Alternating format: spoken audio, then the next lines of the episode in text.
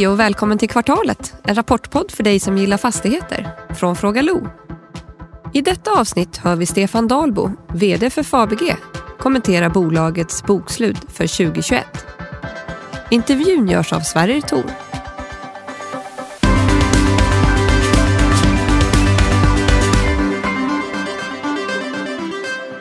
Då säger vi välkomna tillbaka till kvartalet och välkommen Stefan Dalbo. Tack. Vi sitter på ert fina huvudkontor nu i, i Solna. Det är inte mycket folk här men det börjar komma tillbaka nu snart. Mm. Nej, idag är det inte många som är ute och gör affärer. Eh, men, men från onsdag så kommer vi se många flera rent allmänt. Mm. Och sen från och med efter sportlovet så tror jag det kommer att vara fullt ösa. Okej, okay, okay. Vi sitter ju i Haga norra nu som är, eh, ja, det, det liksom ansluter ju till, till Arenastaden som har ju varit ert liksom, paradprojekt ganska länge nu. Och jag är lite nyfiken, du nämner ju i, i, i vd-ordet att ni är framförallt ett, liksom ett förvaltande bolag. Nu har ju Fabege alltid haft den här lilla bilden av att vara kanske mer ett utvecklingsbolag än förvaltande. Är det någon, skönjer man någon sån här ändringsriktning? Nej, men jag tror man bara måste inse att alltså, hade du, frågat, hade du frågat marknaden för tio år sedan var vi nästan när Erik var som mest aktiv så var vi nästan ett transaktionsbolag. Mm. Sen har vi haft stora utvecklingsprojekt och vi har väldigt stora utvecklingsprojekt. Men har man 80 miljarder i fastigheter så ska vi sköta dem varje dag. Mm. Och det är klart att då är vi ett förvaltande, då har vi ett förvaltningsben på 80 miljarder. Sen har vi aldrig haft så mycket bostads, eller eh, byggrätter som vi har idag, både kommersiellt och bostäder. För det är en och en halv mil, miljon nästan. Mm. Och bara det är också investeringar på 40, 50, kanske 60 miljarder beroende på hur vi tittar på det framöver här. Så, så att vi, vi, eh, vi är större på båda benen. Va? Mm. Mm. Men jag tror det är viktigt att vi också säger att vi vi jobbar och gnetar i vardagen med vårt existerande bestånd och där har vi lite vakanser vi ska fylla vad det bara det är. Där har vi potential i. Va? Så mm. att eh, det, det, vi har mer, men vi har mer utvecklingsmöjligheter än projektmöjligheter än någonsin. Okej, okay, okay, Spännande. Vi kanske kommer lite mer in på det eh, sen, men ja, vi ska börja med att spela en Niklas Höglund på ILL som har en liten kommentar. Ja, snabbanalysen av Fabege Fabege redovisar en stark rapport som är över analytikernas förväntningar, både när det gäller förvaltningsresultat och utdelning. Som ytterligare en bekräftelse på det så stängde aktien upp eh, 5,5 procent på rapportdagen. Om man tittar i övrigt så är nettouthyrningen fortsatt på plussidan eh, och slutar på rekordhöga 162 miljoner på året. Omförhandlingar vid hyror fortsätter upp med 11 procent, samma nivå som vi såg i nio månadsrapporten. Här är ju bolaget tydligt med att, att de inte förväntar sig att hålla den höga nivån in i 22 utan snarare siktar på omkring 5% Men det är ju för att basen har ökat och eh, att KPI-justeringar för hela eh, hyresbasen kommer att öka med 2,8 procent 2022. Och, och, i min värld så talar det för att den här lika för lika hyrestillväxten 2021 på 2 procent kommer att ligga en bra bit över KPI-siffran, eh, vilket är en, en, en bra signal för, för kassaflödet här i 2022. Vakanserna är däremot den svaga punkten i rapporten och är oförändrade på 10 procent även i Q4. Här kommer sannolikt vakansen öka under första halvåret när Skatteverket flyttar ut i Solna. Bolaget betonar ju att den här starka hyresmarknaden som vi sett borgar för eh, högre hyror när man hyr ut i kommande projekt och tomställningar. Givet signalerna då från hyresmarknaden så är det ju, känns det helt klart eh, läge att, att investera i fastigheterna. Om vi går över till värdeskapande så var omvärderingseffekterna riktigt starka. Bolaget slutar året eh, starkt med omvärderingar på cirka 2,7 procent i Q4 men hela 5,8 procent under 2021. Eh, och det här är drivet av både kassaflöde men framförallt projektomvärderingar och lägre yieldantaganden. Eh, substansvärdet då ökar ju med cirka 13 procent jämfört med förra året. Återlagda utdelningar och det är också riktigt bra eh, och en förbättring jämfört med förra kvartalet och ska definitivt ställas i relation till en relativt låg belåning. När det gäller hyresmarknaden så vet jag att, att Sverige kommer att fråga kring riskerna med, med för mycket coworking efter de många uthyrningarna till coworking-aktörerna under året. Eh, och på JLL så kan vi bara lyfta fram att vi globalt ser att coworking faktiskt höjer värdet eh, i en fastighet om den uthyrda ytan inte överstiger 20 procent av hyresvärdet. Men jag tror helt klart att Fabege kan bli bättre på att genomlysa hur coworking ökar intresset för bolagets fastigheter och avkastning till aktieägarna. Det finns säkert många som har förutfattade meningar här. Och den starka kursutvecklingen på rapportdagen till trots då, så har ju börsen varit relativt försiktigt inställd till Fabege i pandemin. Aktien handlas fortfarande med rabatt på cirka 50 procent på rapporterade substansvärde trots då tydligt positiva signaler från hyresmarknad och transaktionsmarknad under slutet av 2021. Och bolaget får då inget betalt för sina, sitt starka värdeskapande i projektutveckling trots att förutsättningarna definitivt har förbättrats. Och inför den här rapportperioden så var jag orolig för generellt eh, stigande finansieringskostnader eh, givet den volatiliteten eller stigande räntor, räntorna vi såg i slutet av året. Nu har de fortsatt in i det här året, men jag måste ändå lyfta fram att Fabege faktiskt har några punkter lägre kostnader jämfört med tredje kvartalet och det har man trots en längre kapitalbindning. Och kombinerar man den här låga finansiella kostnaden med bolagets starka finansiella ställning så har man riktigt bra motståndskraft för tillfälliga uppgångar på räntorna och är ju en, en grädde på moset i den här starka rapporten. Du måste vara nöjd med det här kvartalet. Det är ju en pangrapport. jag är jättenöjd med kvartalet och jag är jättenöjd med alltså, hela året 2021 för man skulle se det i det perspektivet. Va? Mm. Det var ett av våra bästa nettouthyrningsår någonsin, över 160 miljoner. Det var eh, slut på slutet gjorde vi ytterligare några avtal där under Q4. Vi hade fantastisk värdeuppgång under, under Q4 framförallt men det var ju hela året som var ju en otroligt stark marknad. Mm. Fortsatt låga räntor, stort intresse för fastigheter så att kvartalet var bra men hel och helåret var eh, väldigt, väldigt bra. Okej, okay, okay. Det har ju varit en utmanande tid på, på många sätt men, men, eh, och du har ju tjatat om det här med att det går bra även om det är corona. Eh, kontoret där, kontorsdöden har ju visat sig vara väldigt överdriven. Känner du när, du går, när vi går in nu ut ur den här pandemin, vilket ju det mesta tyder på, eh, hur, hur, ser du på framtiden?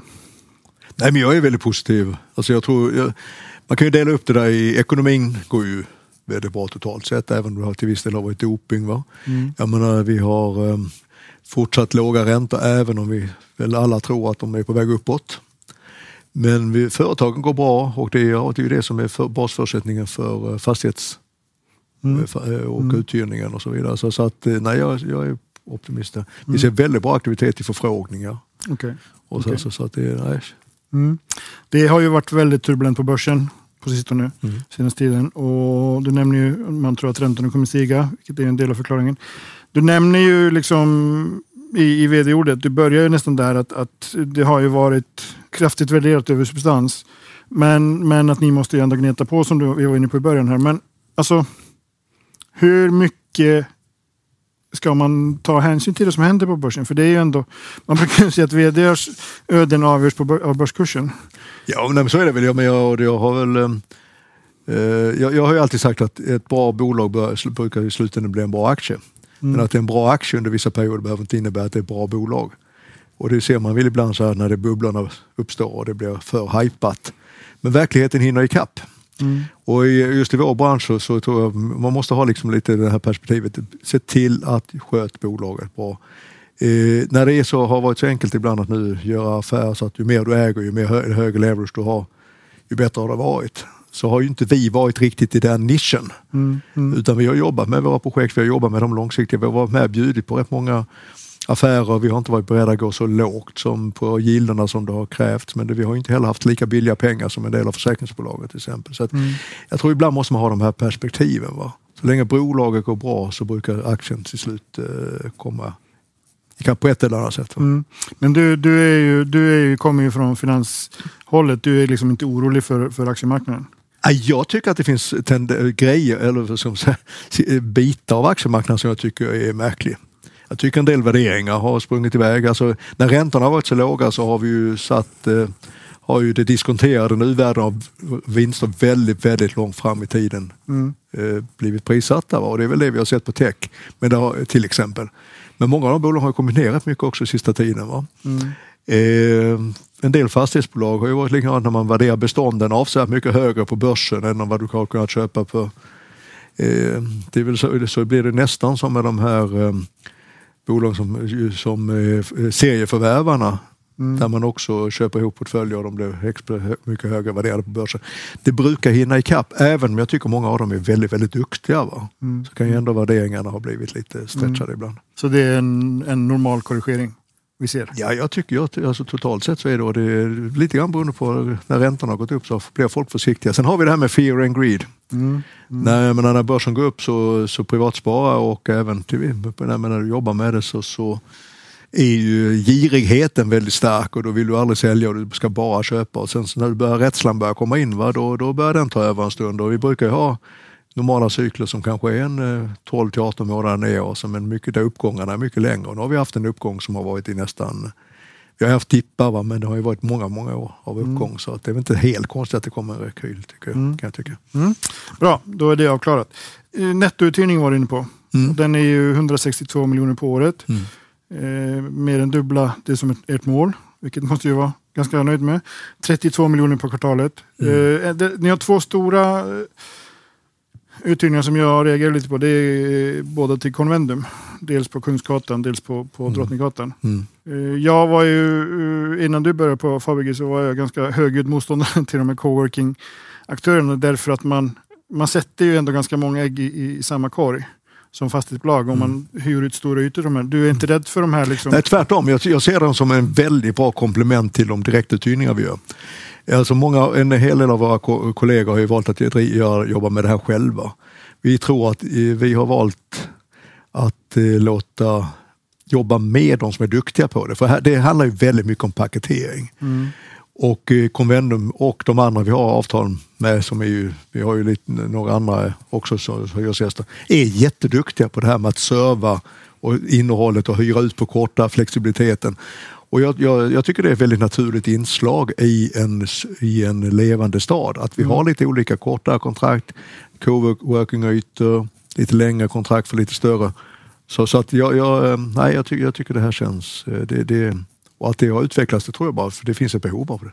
Okej, okay, okay. Bra. Vi är som sagt, som vi var inne på i början, vi är i Haga Norra. Eh, det är mycket, mycket som händer här. Mm. Framförallt eh, lite längre bort där ni jobbar på Biljatomten. Det är en stor grop där nu men, men kommer bli någonting fint. Eh, hur, hur ser uthyrningsarbetet ut? Vi, vi har ju stort uthyrningsarbete på då, det hus 1 som vi kallar det i, i Haga norra som ligger längs leden, Frösundaleden och som, kommer, som vi börjar bygga nu. Vi kommer bygga Först garage och bottenplatta kan man kalla det och sen så är det då hus 1 som är kommersiellt och sen är det ytterligare 500 bostäder ungefär. Och sen är det också ett kommersiellt hus på hus 2. Mm. Och det kommer bli ett fantastiskt område. Och eh, det, det kommer vara hus med flera hyresgäster, multitenant-hus.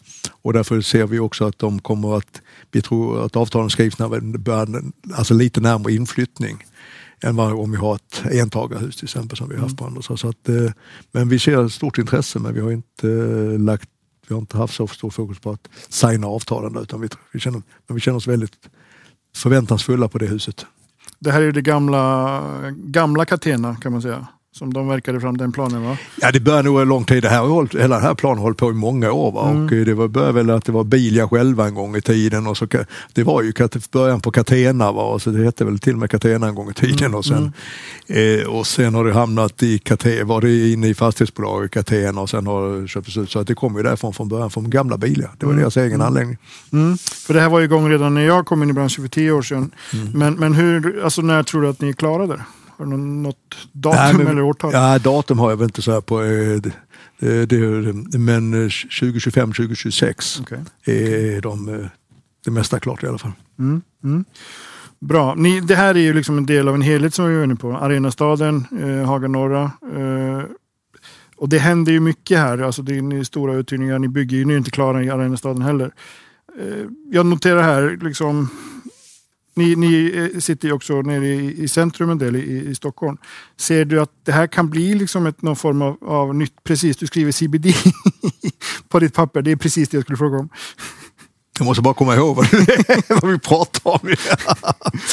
Ser ja. du det här framför dig som ett, att kan det här bli liksom en, en variant på CBD? Ett, kom, ett komplement, va? Det, men det, det, det, ligger ju så fantastiskt bra här. Va? Sen är det rätt lustigt för att går man från ytterkanten på Haga norra bort till Nationalarena 3, det vill säga House of Choice, mm. som vi, de flyttar in i under året, så tror jag att det är ungefär lika långt som att gå från Torsplan till NK.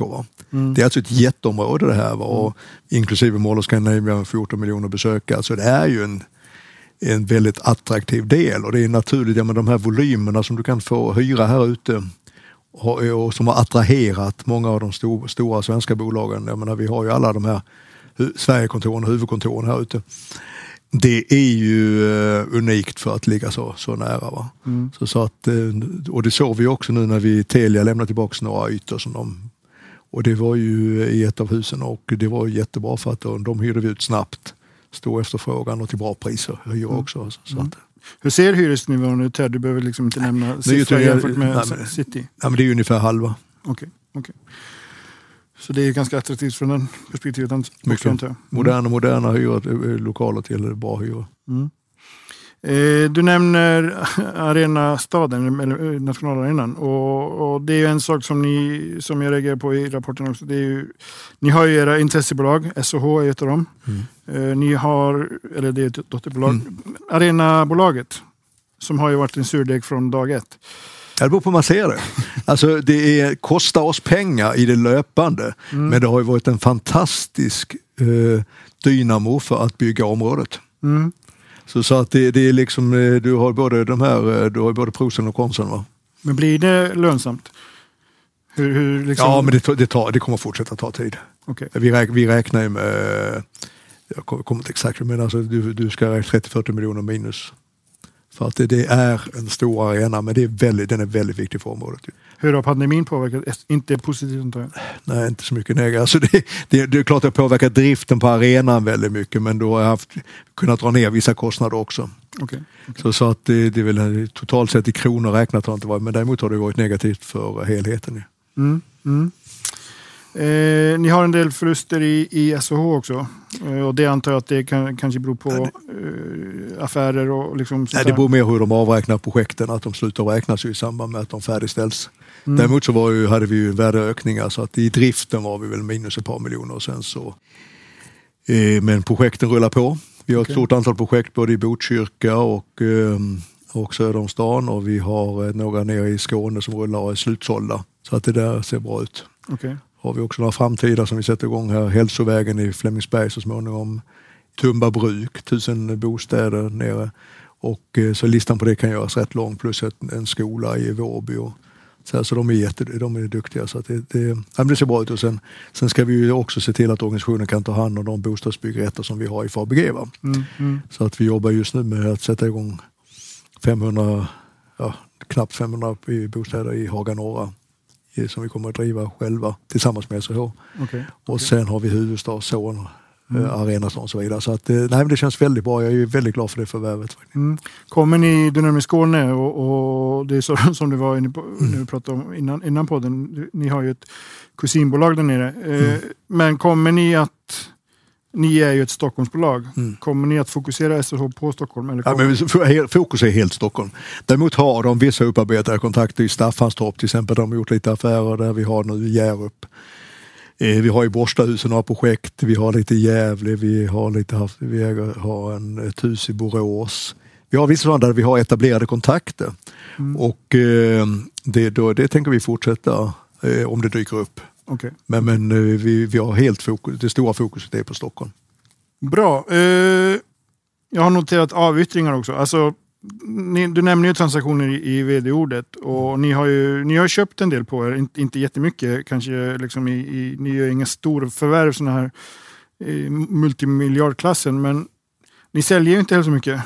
Eh, ni har ju rätt mycket, 80 miljarder var du inne på. Ja, 83, 83 miljarder. 83 miljarder och, och ändå ett, ett, ett levande aktivt bolag. De, man säljer ju ibland också. Hur, hur ser tankarna ut där? Framförallt kanske i, i Arenastaden tänker jag. Nej, men det finns alltså jag tycker vi, vi har så bra potential i det vi är. Alltså då, då, på sikt här och eh, bra kassaflöden för de fastigheterna. Och så det, vi, vi har inte, det är ingenting vi har eh, haft ute några försäljningsuppdrag eller liknande. Vi sålde för något år sedan DN-skapan för där kände vi att vi inte kunde göra så mycket mer. Mm. Vi sålde borta i, eh, i, vid Globen Treas huvudkontor som var ute, men det var innan jag började. Mm. Eh, men sen när vi tycker att vi har ett bra liksom, utveckling och sen bra kassa, kassaflöde är vi lite rädda om också. Va? Så, så att, eh, mm. finns inget självändamål. Okej, okay, okay. Eh, bra Stefan, det är dags att börja runda av. Men, men en, en fråga som alla kommer få prata om lite i den här eh, säsongen i och med att det är bokslutssäsong är lite med utdelningar. Mm. Och ni har ju, dels så, så har ni ju höjer utdelningen med lite drygt 10 procent. Men ni har också gjort ganska stora återköp under året. Och jag tänker, just den här kombinationen, alltså ni har köpt på nästan 5 miljoner aktier va? Vad är tanken med dem? Nej men vi har de i egna böcker och eh, menar, vi, vi har inte så att de, de får ligga där. Okej. okej. Och sen om de eh, har man ju några alternativ framöver här. Det ena är ju att eh, ta bort dem. Va? Mm. Döda dem. Det andra är att sälja dem igen. Och det tredje är att använda dem i en affär. Mm, mm, Så att, men vi har inte bestämt någonting annat. De får ligga där. Okej, okej. Men du ser inte att ni skulle kunna, eh, för ni har ju kvartalsvis utdelning nu. Många Yes. går ju över på månad. Jag vet att det här är inte en fråga för dig egentligen, eftersom det är styrelsefråga. Men skulle det kunna vara tänkbart att gå över till månadsutdelning? Alltså, nu gick vi, har vi kvartal. Eller Vi har, för, vi har föreslagit stämman att gå till kvartal Mm. och vi har haft halvårsskifte in. Och det är rätt enkelt, alltså fyra, fyra gånger på år. Och det är ungefär det, är det mycket har varit borta i USA också, att man har haft kvartal. Där borta har man haft kvartalsutdelning väldigt, väldigt länge. Va? Så Mm. just nu gjorde vi det enkelt. Fyra kronor fyra gånger. Mm. Det är enkelt och bra. Mm. Skulle kan till och med jag komma ihåg. Toppen. Stort tack Stefan. Tack själv. Vill du ha koll på de viktigaste trenderna i fastighetsbranschen? Lyssna på vår podcast Fastighetspanelen med Sveriges ledande rådgivare, där poddar finns.